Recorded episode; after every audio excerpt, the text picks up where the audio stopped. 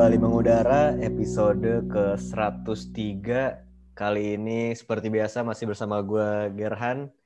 Tapi hari ini kita kembali WFH nih, rekaman from home. Eh apa? RFH berarti? Rekaman from home. Uh, Dan ada seperti biasa juga tapi untungnya masih hadir semua. Ada Reja dan Adrian. Gimana Ja? Dulu Ja. Ya gitu-gitu aja sih minggu ini. Gak ada something spesial Iya. Terus juga Adrian ini ya Adrian gini-gini aja kayak kabarnya mungkin lu kalau ngeliat Dortmund Dri. Semuanya buruk lah sebenarnya. Tapi emang, jelek, Dortmund iya, jelek. Iya, bener, bener. Tapi emang apa ya? Eh parah banget sih kemarin ketika saingan-saingannya Dortmund di papan atas lah yang enam besar tuh menang semua cuman Dortmund sendiri yang kalah nih. Uh, di episode kali ini kita bakal ngomongin apa nih, Ja? Di, di segmen satu mungkin kita bakal ngebahas ini lah. Ngebahas Frankfurt yang lagi gacor-gacor gitu dan kenapa nih Adi Hutter begitu spesial mungkin musim ini. Tim tim jagoan iya. Senang banget gue Adi Hutter dari yang pertama kalau gue sih tim jagoan gue Wolfsburg sih. Gue sejak menonton highlights highlights Lacroix, Maxence Lacroix, gue motong-motongin. Jadi semakin suka gue sama lini belakangnya Wolfsburg nih. Uh, terus di segmen kedua kita bakal ngomongin ini juga sebenarnya lagi hype juga. Soalnya sama-sama membawa nama baik Jerman juga di kancah internasional tapi bukan di Jerman tapi ada beberapa figur lah yang lagi mendapat sorotan di luar Jerman sana. Ada Jurgen Klopp, terus juga ada Thomas Tuchel yang kemarin rame juga dan lain-lainnya lah nanti kita bakal bahas tentang Jerman abroad jadi. Tapi sebelum itu kita ngomongin di Spieltag ke 20 dulu. Kemarin 20 ya? Iya, 20 bener. Dari yang paling rame apa ya? Sebenarnya nggak ada yang rame, cuman yang tadi udah lu singgung juga Frankfurt ini sebenarnya menjadi tim yang uh, sangat mengejutkan sih musim ini kalau menurut gue karena kemarin menang 3-1 lawan Hoffenheim dan di beberapa pekan terakhir tuh mainnya sangat konsisten, tiba-tiba ada masuk empat besar aja kan. Menurut lu gimana tuh Dri ngelihat apa namanya? performa Frankfurt apakah dia menjadi tim yang sangat mengejutkan di musim ini apa emang udah lu udah menaruh harapan besar nih sama si Hutter? Gue sih ya bukan kayak Reja ya yang menyukai Adi Huter sebenarnya karena uh, dari beberapa musim terakhir performanya nih menurun gitu Frankfurt. Cuman sekarang gara-gara Andre Silva sih kalau gue ngelihatnya benar-benar bisa menjadi sosok yang bisa dijadikan tujuan gitu untuk mencetak gol. Sekarang kan kalau nggak salah udah 17 gol ya. Dan ini Andre Silva adalah ini barter kan ya sama Ante Rebic. Hmm. Ini menjadi penemuan terbaru lagi dari Frankfurt sih setelah Luka Jovic dan Sebastian Haller. Cuman di lini belakangnya juga walaupun ditinggal sama David Abraham, gue rasa Martin Hinteregger sudah siap untuk menjadi apa ya? Uh, nahkoda di lini belakang gitu bersama dengan Kevin Trapp yang ya sudah terbukti lah kualitasnya. Makanya gue sih nggak begitu kaget sih. Apalagi kan masih ada Philip Kostis juga terus ditambah ada Amin Yunus jadi menurut gue ini kepingan yang lengkap lah untuk apa bentuk Frankfurt kembali ke kejayaannya dua tiga musim yang lalu gitu. Hmm, ya gue setuju sih si siapa namanya Andre Silva emang musim ini itu kayaknya lagi bener-bener top performnya dia sepanjang karir deh. Kalau gue lihat emang bahkan di Frankfurt sendiri dia mencetak rekor pemain pertama yang mencetak 17 gol dari 20 laga di liga gitu. Dan kalau lihat uh, menit per golnya si si Andre Silva ini emang udah paling tinggi di antara bahkan Luka Jovic, terus juga Alexander Mayer yang sempat jadi sempat jadi apa tuh dia? Thor Jagger Cannon juga top ya? jadi top score ya. Iya. Tapi Alexander ini, Mayer top score waktu itu cuma 21 gol kalau nggak salah ya. 19 gol aja malah. Iya lagi gol. lagi jelek itu musim itu pemain-pemain lainnya. 20 ya, sekarang 19 gol setengah musim doang ya. Iya. Ini udah berarti memang mantep banget. Bahkan si Alex Mayer itu musim 14-15 ya kalau nggak salah. kayak enam laga terakhirnya tuh nggak main gara-gara cedera tapi masih bisa jadi top scorer emang aneh banget kalau menurut lu selain Andre Silva aja apa nih yang jadi kunci lah di balik racikan mautnya si Adi Huter nih Kalau gue sih tetap pemain jagoan gue tuh Philip Kostic. Kalau lu lihat kemarin gol ketiganya Frankfurt lawan Hoffenheim tuh yang bisa crossing kayak gitu pemain kidal cuma dua di dunia mungkin Lionel Messi sama Philip Kostic doang tuh yang bisa kayak gitu. ini sebuah boleh boleh. Jadi eh, kan awal musim tuh sebenarnya Philip Kostic sempat absen 4 sampai 5 pertandingan lah. Dan di situ tuh sebenarnya yang yang jadi kekurangan Frankfurt di awal musim key factor di mana mereka lebih banyak seri ketimbang menangnya. Kalau lu lihat sekarang di klasemen Frankfurt sebenarnya tuh baru dua kali kalah gitu sama kayak Bayern sama kayak Wolfsburg. Jadi Oh. mereka di awal musim tuh terlalu banyak seri di mana kebobolan nggak perlu padahal Sama udah Werder cetak ya? gol banyak. I, Werder dap 7. sama Werder seri kan tujuh. Wol- 14 waktu itu seingat gue deh Oh iya, satu-satu sama Werder sama Arminia empat seri di awal musim. Jadi iya banyak poin yang harusnya bisa dapat tiga, mereka cuma dapat satu. Kalau misalnya mereka mungkin bisa konversi dari 9 seri itu ya bisa konversi 3 sampai 4 jadi kemenangan, mungkin mereka sekarang juga jadi saingannya Bayern di papan eh, di papan atas gitu buat jadi juara. Cuman kembalinya Kostic gue lihat jadi key factor yang hilang itu di awal musim Eh, apalagi kan The Fabulous kan kalau Bundesliga bilang The Fabulous udah gacor banget nih Kamada, Iya, iya. Kostic, Andre Silva, sama Luka Jovic gitu. Jadi kalau gua rasa Adi Huter nih emang jago dalam meracik lini depan gitu, dalam bikin kombinasi play di antara pemain depan dia karena udah terbukti ketika eh, Haller, si Jovic, Rebic pergi dalam satu transfer window bahkan musim lalu lini depannya Frankfurt juga nggak buruk-buruk amat gitu. Iya dan kayak kepingan musim ini tuh di Kamada ya. Eh Kamada musimnya apa musim lalu ya? musim lalu gacor cuman di Europa League doang tuh yang lawan Arsenal. Ah iya benar benar benar. nggak benar. terlalu. Iya musim ini benar-benar udah ini sih dan gue ngeliatnya juga Huter bisa memanfaatkan pemain-pemain yang bahkan kita nggak duga-duga ternyata masih punya apa namanya impact yang lumayan gitu kayak Tuta kan nggak ada yang tahu tuh Tuta siapa atau dia bakal main kayak gimana. Gak tahu gue tadi. Amin Yones gue kira udah habis lah. Iya Tuta. Bastian Rode juga sih. Oh dia main lagi nggak Rode? Gue Main bahkan sih dia. iya bahkan kan kayak Rode terus juga si Eric Jim Durm, cuy. Wilco, Eric Durm yang belum kepake si Jetro Williams aja nih. sama ini eh siapa Schubert ya Schubert tukeran sama Rono kan iya pinjaman doang kan. Gak mungkin lah geser Trump. nggak mungkin dipakai itu tapi ya emang gokil sih bahkan Luka Jovic aja sekarang kayak belum tentu starting nggak sih si Luka Jovic tuh Iya belum pernah starting kalau nggak salah. Iya, dan ya gue sih berharapnya Frankfurt bisa mengejutkan di apa di musim ini dan The Fabulous Four-nya tuh bisa ngalahin zaman-zamannya Haller, Jovic dan Kostic dan Andres eh Andres Silva siapa? Dan Rebic gitu sekarang.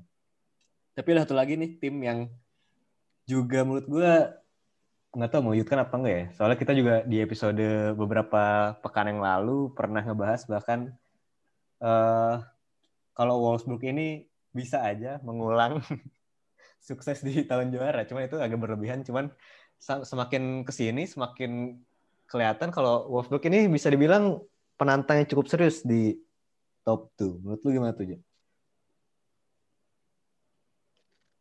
Eh sejak kita bahas tapi nggak nggak ngejinx ya. Jadi Wolfsburg ma- masih tambah tambah bagus malah kan.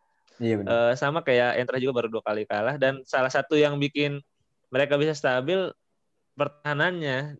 Nah. so far udah 20 pertandingan baru kebobolan 19 gol cuman kalah bagus sama RB Leipzig doang yang udah 11 clean sheet tuh dan cuman kebobolan 17 gol. Cuman Wolfsburg ini gue rasa salah satu tim yang kedalaman squad di lini ini belakangnya bagus dan ini jarang di Bundesliga jarang gitu bahkan lu sebut aja Bayern, Dortmund, Leverkusen, Gladbach tuh kedalaman squad di belakangnya jelek sedangkan kalau lu lihat Wolfsburg mereka punya tiga center back dengan kualitas bagus semua Pongracic, John Brooks, si Lacroix. Di kanan punya tiga bahkan kan tadinya Iya. si Mbabu, Baku sama William sebelum di ke Schalke. Di kirinya punya Jerome Rosilong, terus sekarang Paulo Otavio yang main juga bagus banget. Jadi emang gua rasa si pondasi lini belakangnya Wolfsburg nih bagus banget dan itu jadi sesuatu yang sebenarnya sangat ngebantu karena kalau kita lihat lini belak lini depannya Wolfsburg itu sebenarnya memang masih sangat bergantung sama Wout Weghorst kan sampai musim ini juga. Ya dan kalau secara permainan gue ngelihat juga Wolfsburg ini tim yang apa ya bisa mengalirkan bola dari belakang nggak kayak kalau kita bandingin Dortmund misalnya itu agak-agak ini kan kalau main bola dari belakang. kalau Wolfsburg tuh emang sabar ngebangun dari Lacroix bahkan kalau lihat uh, stats passing teratas dua tuh Brook sama Lacroix karena emang sebolak-balik aja di switch play-nya sering dan mengandalkan ini sih lini sayap sama kalau emang udah buntu ya tinggal crossing ke depan. Ada Wakehorse yang tingginya 197 kan. Itu udah sebuah ke apa ya sisi positifnya Wolfsburg lah kalau menurut lu Dri si Wolfsburg ini apakah memang sangat tergantung sama Wakehorse aja nih Dri? Kalau itu sih udah pasti sih ya. Cuman kalau kita lihat lagi emang line up-nya Wolfsburg nih konsisten banget sih Ger. Di lini tengahnya udah pasti double pivotnya Arnold Slager, sayap kirinya Nah, ya. Steven, sayap kanan Baku. Nah, cuman yang unik sekarang Yannick Gerhardt. Yannick Gerhardt sih tadinya uh, pemain tengah ditaruh jadi gelandang serang, pernah main di back kiri juga. Iya, iya. Dan kemarin waktu lawan Augsburg kan punya peran vital untuk uh, kedua gol Wol- Wolfsburg gitu. Jadi menurut gua secara squad pun sebenarnya nggak begitu bagus kalau menurut gua ya. Kalau kita sebelum musim ini mulai, apakah kita akan menaruh Wolfsburg di peringkat memperebutkan zona Liga Champions? Gua rasa sih enggak. Makanya uh, ini nggak hanya Wakehorse juga sih Ger gitu. Iya. Terutama Riddle Baku sih. Riddle Baku bisa jadi bek kanan, bisa ditaruh jadi sayap kanan, bisa jadi gelandang yang bertahan juga. Jadi memang kepingannya cocok nih kalau kita ngomongin pemain-pemain yang bisa menutup kekurangan-kekurangan kayak tadi di Frankfurt. Nah, di Wolfsburg ini ada Riddle Baku kalau menurut gua gitu sih. Iya, iya. Gue juga setuju sih kalau emang Wakehorse sebenarnya ya emang sebagai tujuan utama kayak Ya, Lewandowski. sebagai striker bagus Iya. ya. Kayak Lewandowski di Bayern aja dia dia ngegolin ya tujuannya ke Lewi semua bukan bukan mengandalkan Lewi pure dari situ doang. Dan Riddle Baku ya no debat lah kalau menurut gue nih eh, pembelian, Oh, no pembelian terbaik nih. pembelian terbaik musim ini sih kalau menurut gue. Eh. Cuman tadi yang sempat disinggung Adri kan gelandangnya si Wolfsburg nih emang menurut gua highly underrated lah. Maksudnya Lini Arnold, belakangnya juga. Saver, iya Saver Slager, Semuanya sebenarnya. Guila Fogui gitu kan bahkan. Even si Yannick Gerhardt nih kalau lu tahu dia akhir musim habis kontrak sebenarnya. Cuman Oh, tetap iya? jadi andalan juga. Iya. Iya, dan lagi jadi salah satu hot inilah hot eh Komoditi ya? komoditi di antara tim-tim tim-tim tim-tim tengah. Eh tim-tim tengah, tim-tim papan tengah. Iya tapi kocak sih Gerhard dari dulunya gelandang bertahan, pernah main di bek kiri, sekarang di saya eh pemain apa dia di belakang striker juga tetap gokil juga sih. eh itu tadi dua tim yang menurut kita sangat overachieve di musim ini. Cuma ada satu tim yang underachieve nih. eh ini kayak udah tahu siapa Hmm. Werder Bremen. Aduh, Nggak ada udah males ya. ya ini kok yang gue gue sebut tadi ketika eh, rival-rival di papan atas mulai menemukan konsistensi lah Wolfsburg udah menang 4 4 match berturut-turut dan bahkan clean sheet terus juga Frankfurt bersama Andre Silva yang ngegolin terus. Leverkusen juga udah makin konsisten. Malah salah satu pesaing juara nih, Borussia Dortmund yang semakin ke sini semakin terlihat mediokritasnya nih. Bahkan Halan pun udah nggak bisa nolong nih, Dri. Gimana tuh, Dri? Ya seperti di episode waktu kita menyambut Edin Terzic ya, ya dari CV-nya aja memang kurang gitu loh. Jadi jangan berharap dia jadi apa ya kehadiran kayak Pep Guardiola dulu ngelatih ngelatih yang nggak apa tim junior Barcelona tiba-tiba langsung menang semua ya Edin Terzic nggak punya apa ya magis dari Pep Guardiola gitu loh. Jadi ya jangan pernah berharap dia akan jadi pelatih yang bagus apalagi yeah setelah gue dengar berita tuh kayak sebenarnya udah meragukan gitu loh uh, si Terzic itu cuman dari petinggi-petinggi Dortmund masih percaya sama Edin Terzic dan katanya para pemain pun apa sangat mendukung uh, Terzic tetap di Dortmund. Nah, yang pertanyaannya kenapa didukung gitu loh? Ini tuh udah mediocre banget sih. Gue aja sampai sampai kadang-kadang ah udah satu nol udah nggak mau nonton gue karena udah pasti gak ada perubahan juga. Yeah, iya. Ketika yeah. ketinggalan lawan Freiburg 2-0 mengandalkan Mukoko yang umurnya masih belum bisa dapat KTP gitu loh. Jadi kayak kayaknya nih kalau nggak ada perubahan besar-besaran nih dari ibaratnya dari manajemen juga, dari sisi pelatihan juga, gue sih nggak kaget kalau Dortmund bakal turun kelas sih. Iya yeah, iya yeah. dan gue emang dari saat Favre dipecat tuh gue ngeliatnya Dortmund tiba-tiba ngangkat Terzik dan ngasih kontrak sampai akhir musim, ya ini mah udah bendera putih lah untuk ke persaingan papan atas gitu. Iya, jelas banget itu. Menurut lo itu blunder terbesar Dortmund musim ini gak, aja?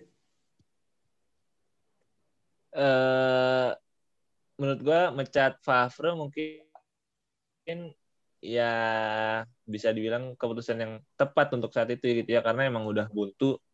Dan gue rasa kalau misalnya dia diteruskan hasilnya juga ya mungkin nggak jauh beda sama sekarang gitu.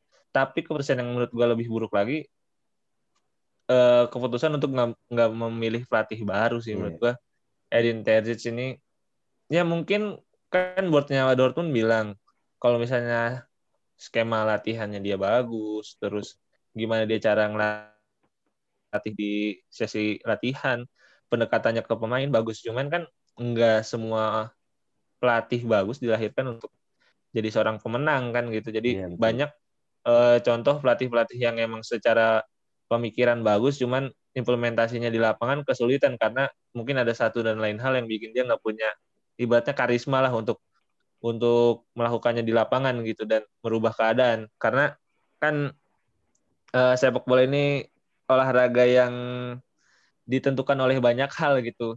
Pelatih juga harus bikin keputusan dalam waktu tepat dan gue rasa Edin Terzic sejauh ini belum bisa melakukan itu. Dan untuk uh, membuka perspektif seberapa buruknya Dortmund saat ini selisih dia sama Köln itu sama kayak selisih dia ke Bayern. Dan jumlah kalahnya Dortmund ini lebih banyak daripada Bremen dan Stuttgart bahkan. Iya kan iya ini udah jadi kalah ke delapan deh kalah ke delapan Dortmund kemarin mengalahkan iya, Bremen. bertujuh ya kan iya Bremen bertujuh ini 20 pertandingan delapan kali kalah dan masih ada 14 pertandingan lagi kan? Ya gue gue sih berdoa aja untuk Persic.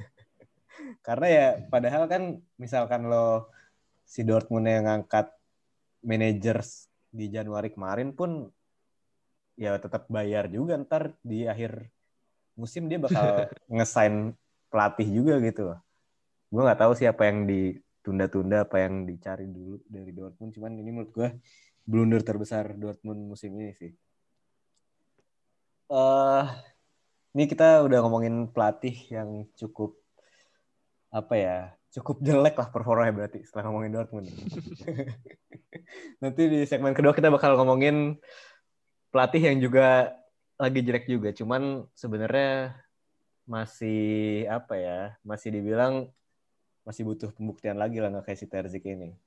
Jadi kita bakal ngomongin beberapa pelatih Jerman di luar dan juga beberapa pemain-pemain Jerman.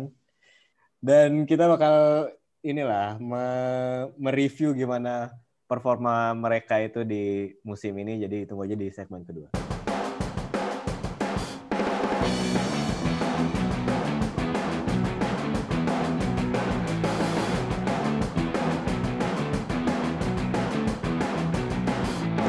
Hasil-hasil buruk yang diterima Dortmund ternyata menular juga terhadap mantan pelatihnya dulu, yaitu Jurgen Klopp.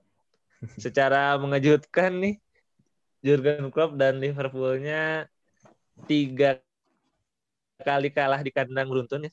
Dan yeah. ini untuk pertama kalinya tahun berapa? Tahun 60-an, 70-an. Cuman satu yang pasti sebenarnya downfall-nya Liverpool musim ini mengingatkan kita terhadap downfallnya Dortmund tahun berapa tuh dari berarti? 2014 2015 tuh. Hancur gila-gilaan iya. itu. Hancur gila-gilaan di mana Dortmund bahkan sampai ke zona degradasi waktu itu walaupun mengakhiri musim ya dengan cukup baik. Cuman pada akhirnya musim itu Jurgen Klopp eh, mengakhiri kerjasamanya dengan Dortmund dan masuk Thomas Tuchel sekarang nih lucunya di Premier League justru Jurgen Klopp lagi buruk, Thomas Tuchel masuk ke Chelsea lagi bagus. Mungkin kita bahas dari Jurgen Klopp dulu lah ya. Uh, menurut Tudri, seberapa banyak persamaan antara Dortmund musim itu dan Liverpool musim ini, Dri? Persamaannya yang paling kerasa sih dari badai cedera sih, Ini mirip sih. Waktu zaman dia di Dortmund tuh Gundogan cedera, Hummel cedera, Royce cedera.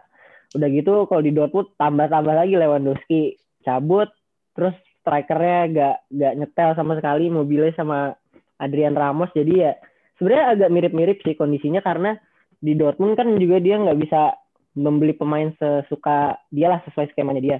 Nah di Liverpool juga kan sebenarnya kalau nggak ada penjualan Philip Coutinho apa datang itu Virgil van Dijk, Alisson, Fabinho, gue sih ragu gitu. Nah di musim ini setelah kalau gue bisa bilang dari datangnya Van Dijk sampai 2020 udah dua tahun lah Liverpool main kita sudah pasti ekspektasinya menang gitu. Nah di tahun yang 2021 ini ya memang kelihatan udah capek lah para pemain tuh mulai dari Ar Trent Arnold, Robertson, itu udah kelihatan capek banget karena kan nggak ada rotasi pemainnya juga Liverpool tuh. Jadi udah secara mental capek, fisik capek, ditambah cedera, lin, apa trio lini depan mana Firmino salah juga nggak sebagus musim-musim sebelumnya ya ya udah ambruk semua fondasi yang udah dibikin dua tahun ini. Nah makanya oh. harusnya udah udah invest lagi sih ja, biar Jurgen Klopp tuh bisa lebih leluasa buat mengimplementasikan filosofinya dia ke lapangan gitu sih. Butuh refreshing ya, karena sebenarnya uh, squad yang ada sekarang kan sebenarnya udah benar-benar pondasinya udah tiga atau empat musim lah ya main bareng dan iya. gua rasa banyak butuh penyegaran di sana kayak mungkin gini Wijnaldum mungkin emang udah saatnya pergi juga karena kontrak kontraknya udah habis terus mungkin uh, Trent Arnold dan Andrew Robertson ini terlalu di zona nyaman gitu. Kalau menurut lu gimana Ger? Apakah emang Jurgen Klopp nih bukan tipikal pelatih yang gampang merubah squad gitu karena kalau kita lihat di, di Dortmund juga salah satu penyebabnya tuh mungkin kehilangan Lewandowski waktu itu downfallnya sedangkan yeah. kalau misalnya Liverpool musim ini dikaitkan dengan kehilangan Virgil van Dijk dari awal musim. Uh, kalau menurut gue emang Jurgen Klopp dari dulu emang kecenderungannya emang suka banget sih pakai apa namanya skuad kemenangannya dia lah. Karena kita lihat kayak Robert Robertson, Arnold, Salah, Firmino itu nggak pernah diganti-ganti gitu dari tiga musim terakhir. Dan yang gue setuju sama Adrian emang ini udah saatnya invest lagi sih. Dan di sini kita ngeliat gimana pelitnya juga bisa dibilang pelit banget ini si FSG-nya ini si John Henry-nya. Uh, butuh harus uh, gini logikanya kan kemarin dia juara Liga Inggris terus juga juara sebelumnya itu juara Piala Liga Champion. Liga Champion. itu udah, itu udah jadi apa ya modal bagi Liverpool gitu loh untuk sengaja menarik pemain-pemain macam Thiago lah. Mungkin cuma Thiago doang nih yang kemarin akhirnya pemain world class sejak sekian lama mau ke Liverpool itu kan jarang banget. Dan musim ini kayaknya untuk bersaing di papan atas empat besar pun ini terseok-seok banget tiba-tiba West Ham juga jago, terus Aston Villa juga jago.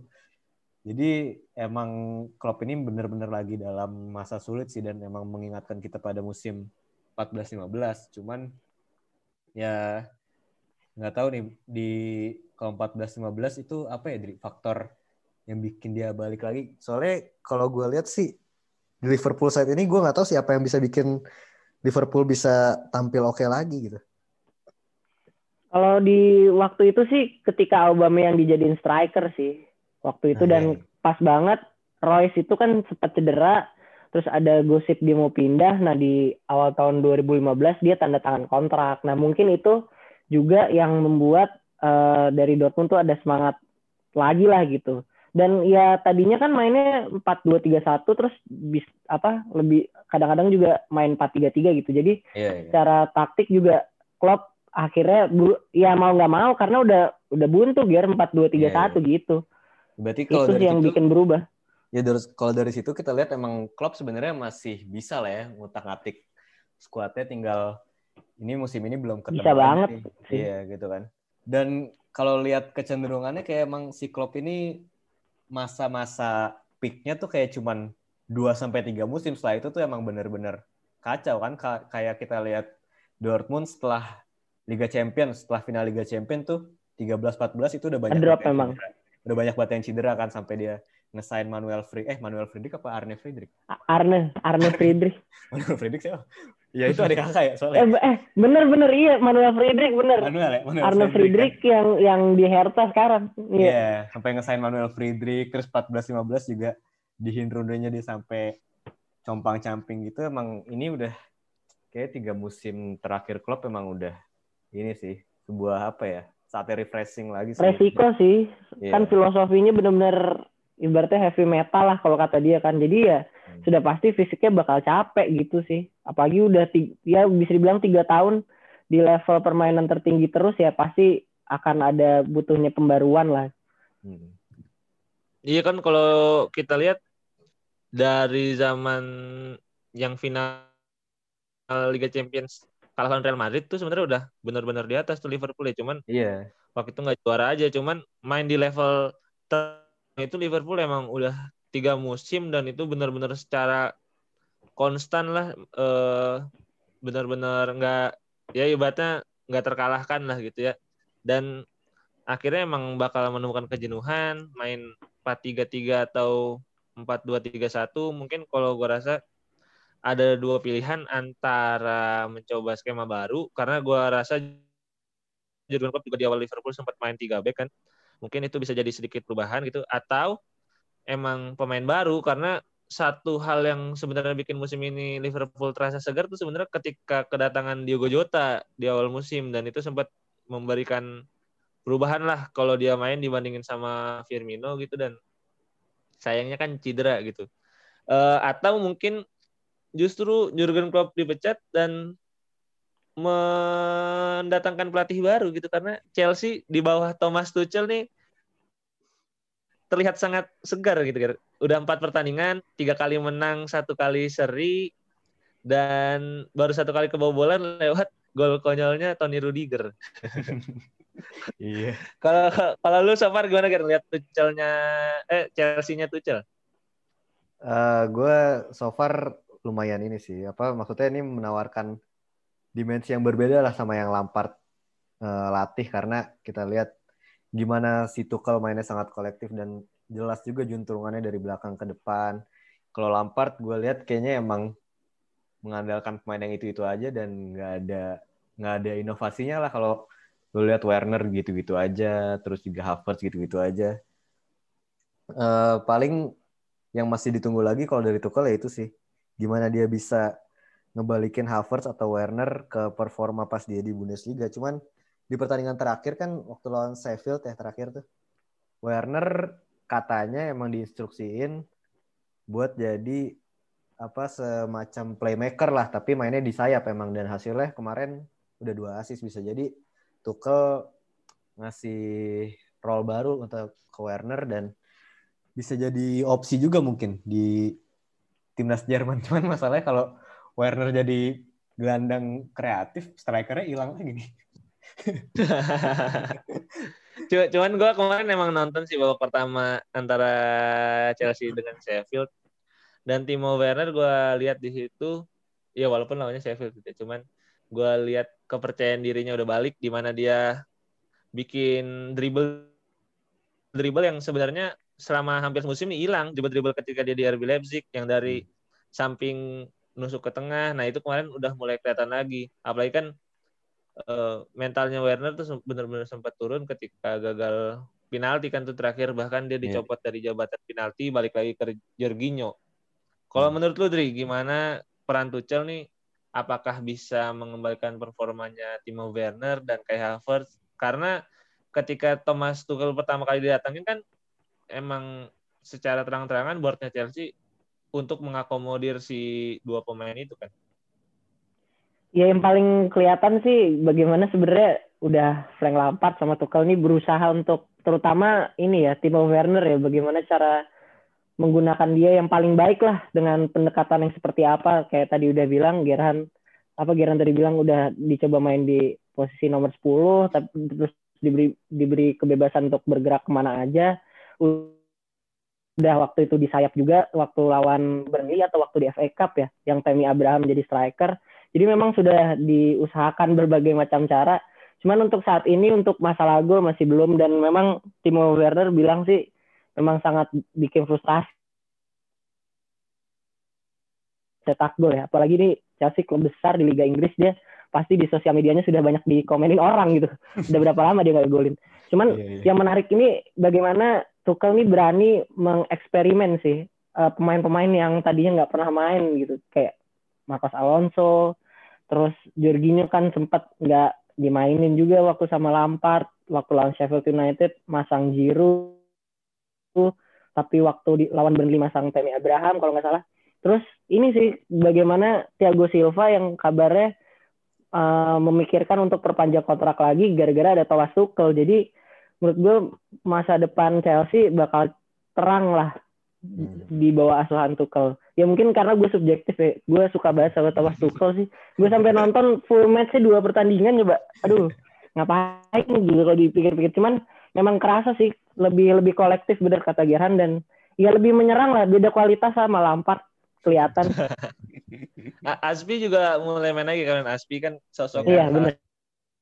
satu di ruang ganti Chelsea ya emang jabatannya juga kapten gitu jadi emang gue rasa pelatih pelatih Chelsea itu sebenarnya emang bagus semua semua yang datang ke Chelsea itu awal musim tuh selalu apa musim pertama tuh selalu bagus uh, baru turun ya musim keduanya. Iya, Maurizio Sarri, terus sekarang Thomas Tuchel.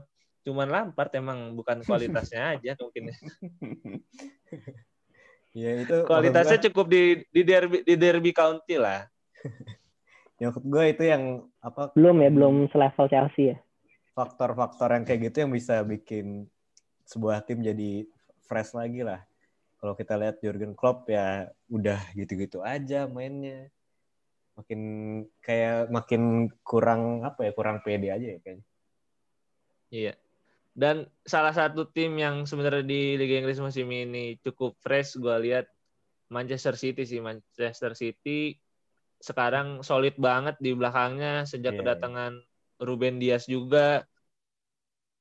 Terus walaupun ditinggal Aguero, ditinggal Gabriel Jesus gitu di lini depan, gimana Ferran Torres, Bernardo Silva gitu yang main di false nine bisa bagus banget dan salah satu pemain yang sangat improve musim ini secara mengejutkan tuh ternyata Ilkay Gundogan nih gennya yang yang sebenarnya banyak mengisi posisinya Kevin De Bruyne juga yang masih absen. Yeah. Menurut yeah. lu gimana nih Ger penampilan Gundogan apalagi kan cetak gol nih ke gawang Liverpool kemarin? iya. Sebenarnya Gundogan emang dari dulu gue suka sih dan salah satu pemain yang underrated. Cuman ya itu dia dia main di bawah asuhan Klopp dengan pemain-pemain yang ya lo tahu sendiri tim utama sama tim keduanya tuh nggak ada yang bisa bedain bahkan kayak lo ganti tim hari ini sama besok juga masih sama-sama jago gitu mungkin si Ale Gundogan ya di situ juga sih uh, dia masih bersaing sama De Bruyne, terus juga selain De Bruyne masih ada Bernardo, sama dia bisa di mana aja juga sih ya si Gundogan ini kan. Dan ketika untuk ngisi role Iya, biasanya main dalam kan tuh. Iya, ketika untuk ng- ngisi role-nya si De Bruyne ini yang bisa masuk kotak penalti dia emang punya kualitas untuk itu gitu loh.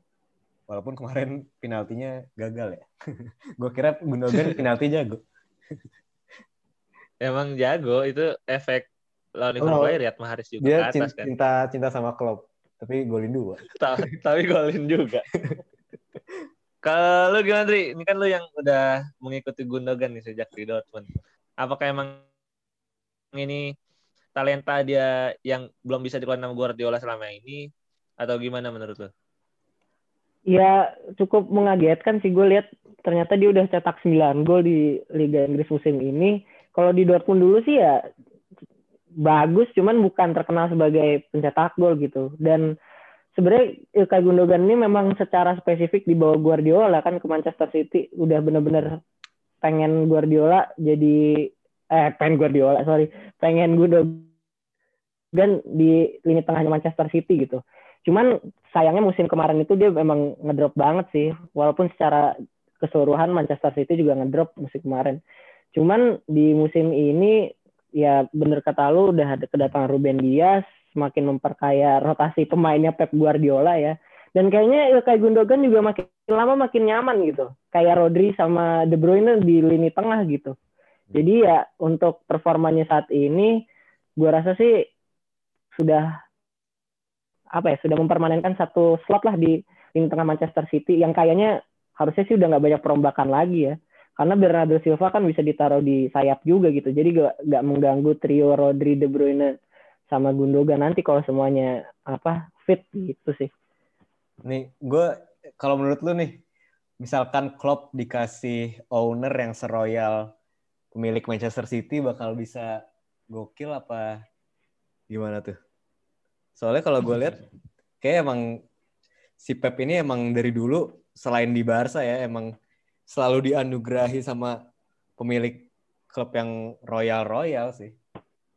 ya itu kan yang selalu apa ya selalu yang kritik yang datang ke Guardiola kan memang itu karena ya kalau kita lihat klub ya itu sebenarnya dia melebihi apa ekspektasi yang diberikan sih kalau boleh jujur ya Iya benar. menang Liga Champions sama Liga Inggris dalam jangka waktu dua tahun itu dengan skuad macam Dejan Lovren kayak gitu gimana caranya sebenarnya gitu. James Milner. sedangkan James Milner yang dibuang City jadi main mulu di Liverpool. Sedangkan kalau City back cedera langsung datengin banyak pemain gitu. Beli Kyle Walker kan waktu musim pertama Guardiola katanya gak kelisi jelek sama Bakary Sakna kan. Iya benar benar. langsung Langsung datengin Ben banyak pemain gitu. Iya. Benjamin Mendy terus butuh apa ball playing defender yang kaki kiri ada Nathan Ake kalau nggak salah ya. Iya baru. terus Laport Laporte terus ya karena dia butuh back lagi cari yang paling bagus Ruben Dias bukan nyari Ozan Kabak yang itu juga di loan lagi. Itu juga dari sama, Schalke lagi. sama Ben Davis dari iya.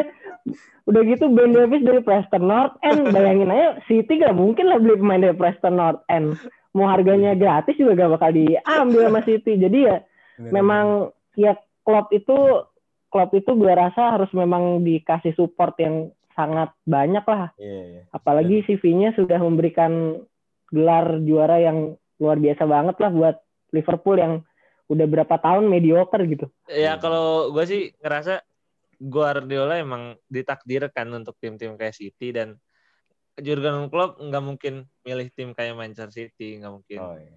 milih Nah, milih, itu milih juga tim kayak bener tuh. Bayern mungkin kalau menurut gue ya karena emang dia mencari tim yang passionate gitu yang hipster iya dia. menaikkan gairahnya gitu kan. Emang Mhm. tipikal kayak gitu.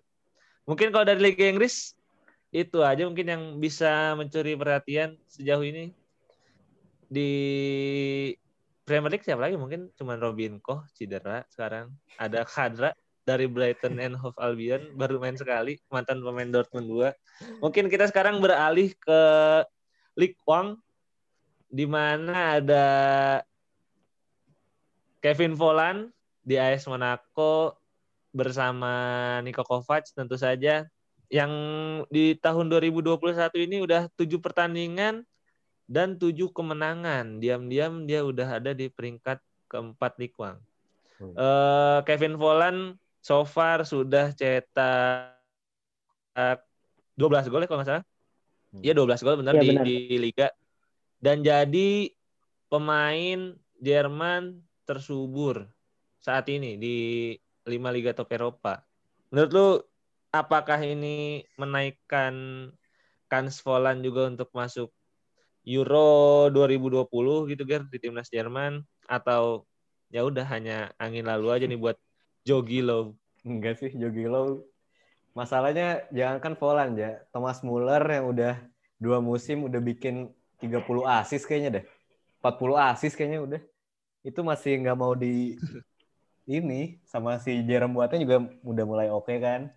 Cuman ya Kevin Volland menurut gue sih harusnya emang masuk contender untuk lini depan apa Jerman ya. Walaupun sebenarnya tipe-tipe kayak Volland ini kan yang bukan sebenarnya Volland kan kalau kita lihat di Leverkusen ya, gue nggak pernah nonton di AS Monaco. Kalau lihat di Leverkusen si Volland ini bukan tipikal yang penyerang mencetak gol gitu. Dan ini kalau di timnas Jermannya Jogi Low udah banyak yang bisa main kayak gini. Bahkan kayak si Gundogan bisa ditaruh di false nine terus juga si Kai Havertz bisa. Dan kalau untuk di yang menyerangnya ada Luka Valdsmith cuman kalau misalkan emang Niko Kovac musim ini bisa benar-benar mengeluarkan kemampuannya Volan yang kita jarang lihat di Leverkusen menurut gue sih layak banget sih untuk masuk squad Euro 2021 22 sih? Eh 20 sih. 20 ya tapi mainnya 21 2020 tetap panggilannya. Oh iya benar benar iya itu pokoknya sebenarnya kan Kevin Volland di AS Monaco juga jadi apa ya? Bukan striker utama karena striker utamanya itu kan sebenarnya si Wissam Ben Yedder. Oh iya benar. Uh, Kevin Volland main agak ke bawah bisa jadi pemantul bisa jadi kreator juga. Uh, cuman satu hal yang gua cermati di sini uh, kejeliannya si Niko Kovac sih buat nempatin pemain dan uh, ini sekali lagi membuktikan kalau Niko Kovac ini salah satu pelatih top di Eropa. uh, menurut lu gimana Tri? Apakah emang Niko Kovac ini ditakdirkan untuk tim-tim yang mungkin uh, jelek enggak, cuman bagus, enggak terlalu bagus gitu. kayak kayak Frankfurt, AS Monaco nih menengah menengah ke atas lah. Iya bener banget sih. Ini kan apa kita pernah bahas juga ya. Dan kayaknya pendapat kita mirip-mirip gitu bahwa Niko Kovac pelatih bagus, cuman sama kayak Lampard sih kalau menurut gue belum siap lah untuk kalau tim yang kayak Wah, enggak papan atas banget gitu loh. Sebuah penghinaan fans Niko Lampard ya. Oh iya deh. Niko Kovac bisa bawa ini, Frankfurt ini lah Lucien Favre lah, di Lucien Favre. Lucien Favre ya benar. Jadi cocok untuk Monaco yang udah beberapa musim ini setelah ditinggal Leonardo Jardim menurun gitu apalagi di AS Monaco kan isinya wonderkid semua ya. Cuman kalau kita lihat dari line up yang terakhir Kevin Volland sama Wissam Ben Yedder pun main 4-4-2 gitu. Jadi secara nggak langsung Volland juga bisa dijadiin apa ya opsi juga ternyata selain Wissam Ben Yedder. Dan secara kolektif secara keseluruhan ya memang AS Monaco nih tim-tim yang mirip sama Frankfurt sih dari dari apa uh, komposisi pemainnya gitu karena banyak uh, banyak apa namanya pemain-pemain yang bisa main di banyak posisi dan nggak bukan nggak mungkin juga main di kayak di Frankfurt dulu dengan skema tiga back.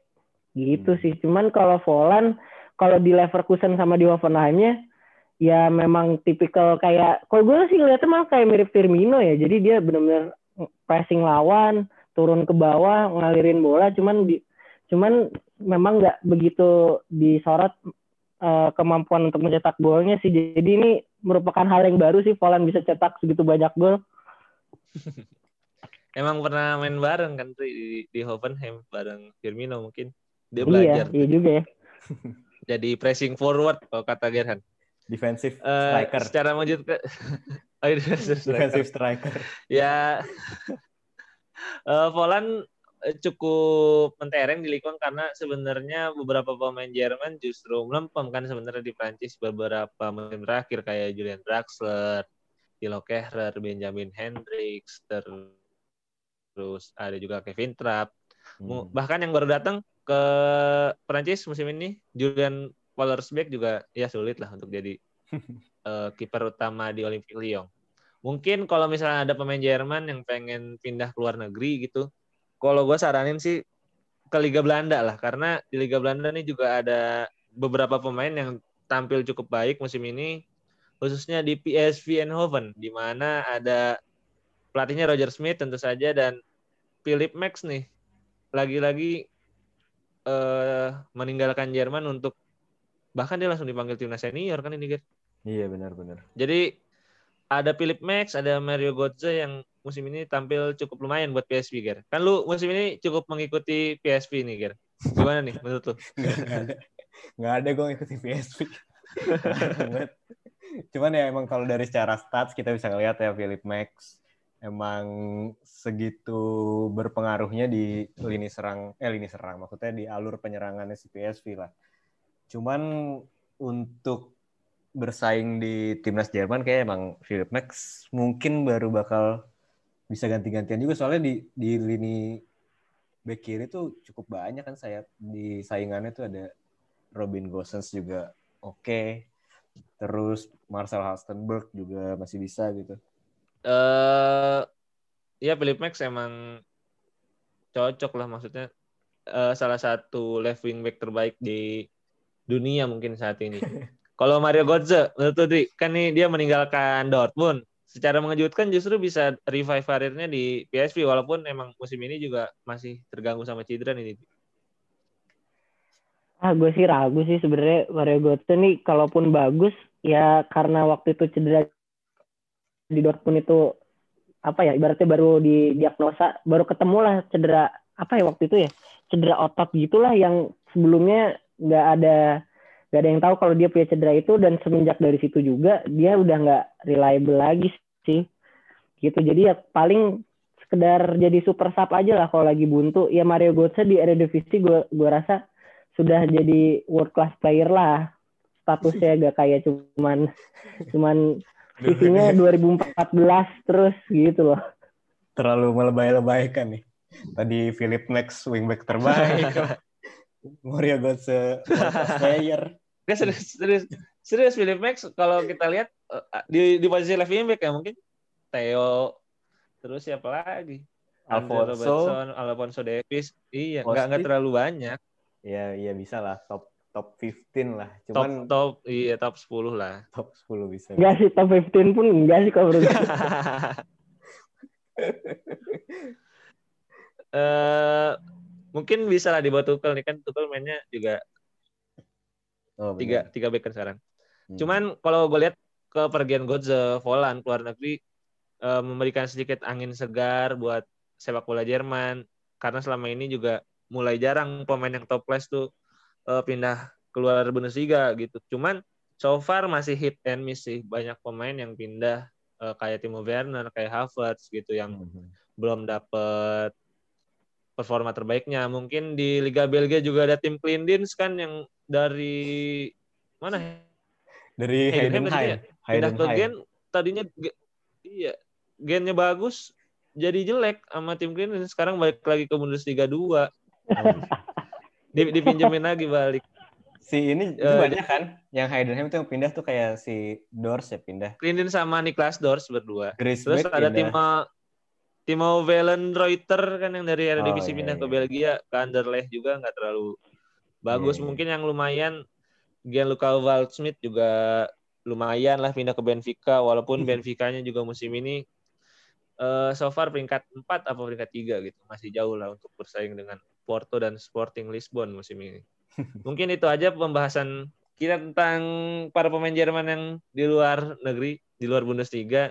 Mungkin nanti akhir musim bikin lagi satu kayak gini gitu episode. Apaan? Jerman abroad lagi?